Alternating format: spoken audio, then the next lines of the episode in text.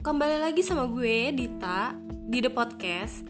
Jadi hari ini gue bikin dua podcast. Yang pertama udah gue upload dan ini yang kedua. Entah ada podcast yang ketiga atau enggak hari ini, tunggu aja.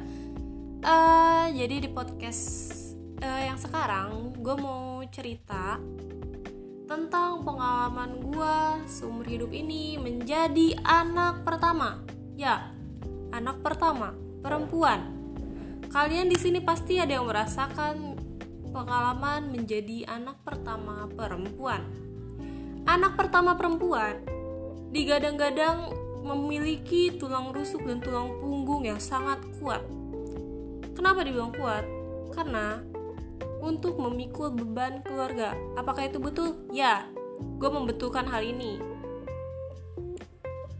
Gue anak pertama perempuan saat ini gue menggantikan posisi bapak gue untuk melindungi keluarga gue karena bapak gue udah meninggal. Dan itu yang gue rasain. Enak gak sih jadi anak pertama? Oh enak. Enak banget jadi anak pertama. Kayak orang tua tuh kayak mempercayakan seutuhnya kewajiban itu ke uh enaknya tuh itu. Karena uh, sedikit demi sedikit gue sebagai anak pertama gue belajar mandiri. Dari kecil jadi menurut gue kayak manja-manja itu kayak udah gak banget gitu. Mungkin di antara kalian ada pengalaman lain lagi menjadi seorang anak pertama.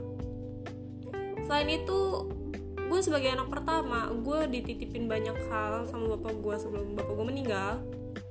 Yang pertama banget yang harus gue jalanin saat ini gue harus lulus kuliah.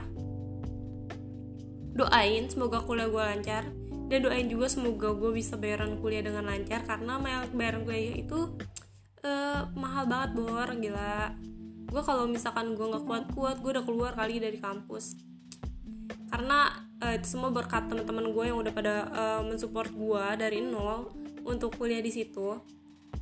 Uh, selain gue harus lulus kuliah amat dari bapak gue gue harus jagain keluarga gue apakah ada yang merasakan hal yang sama seperti gue ini uh, silahkan kirim DM-nya di Instagram gue di wtdik_25 gimana sih pengalaman kalian sebagai anak pertama? Apalagi nih cowok-cowok. Cowok-cowok pasti selalu dianggap kuat oleh pihak keluarga jika cowok-cowok ini menjadi anak pertama.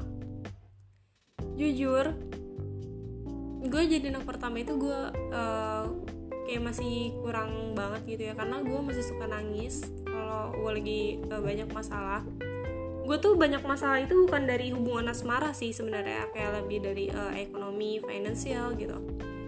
Dan gue cepet nangis karena hal itu. Uh, mungkin beberapa kalian juga ada yang ngerasain. Cerita di Instagram gue.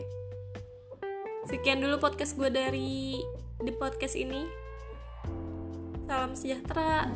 Semoga hari kalian bahagia. Gak seperti gue.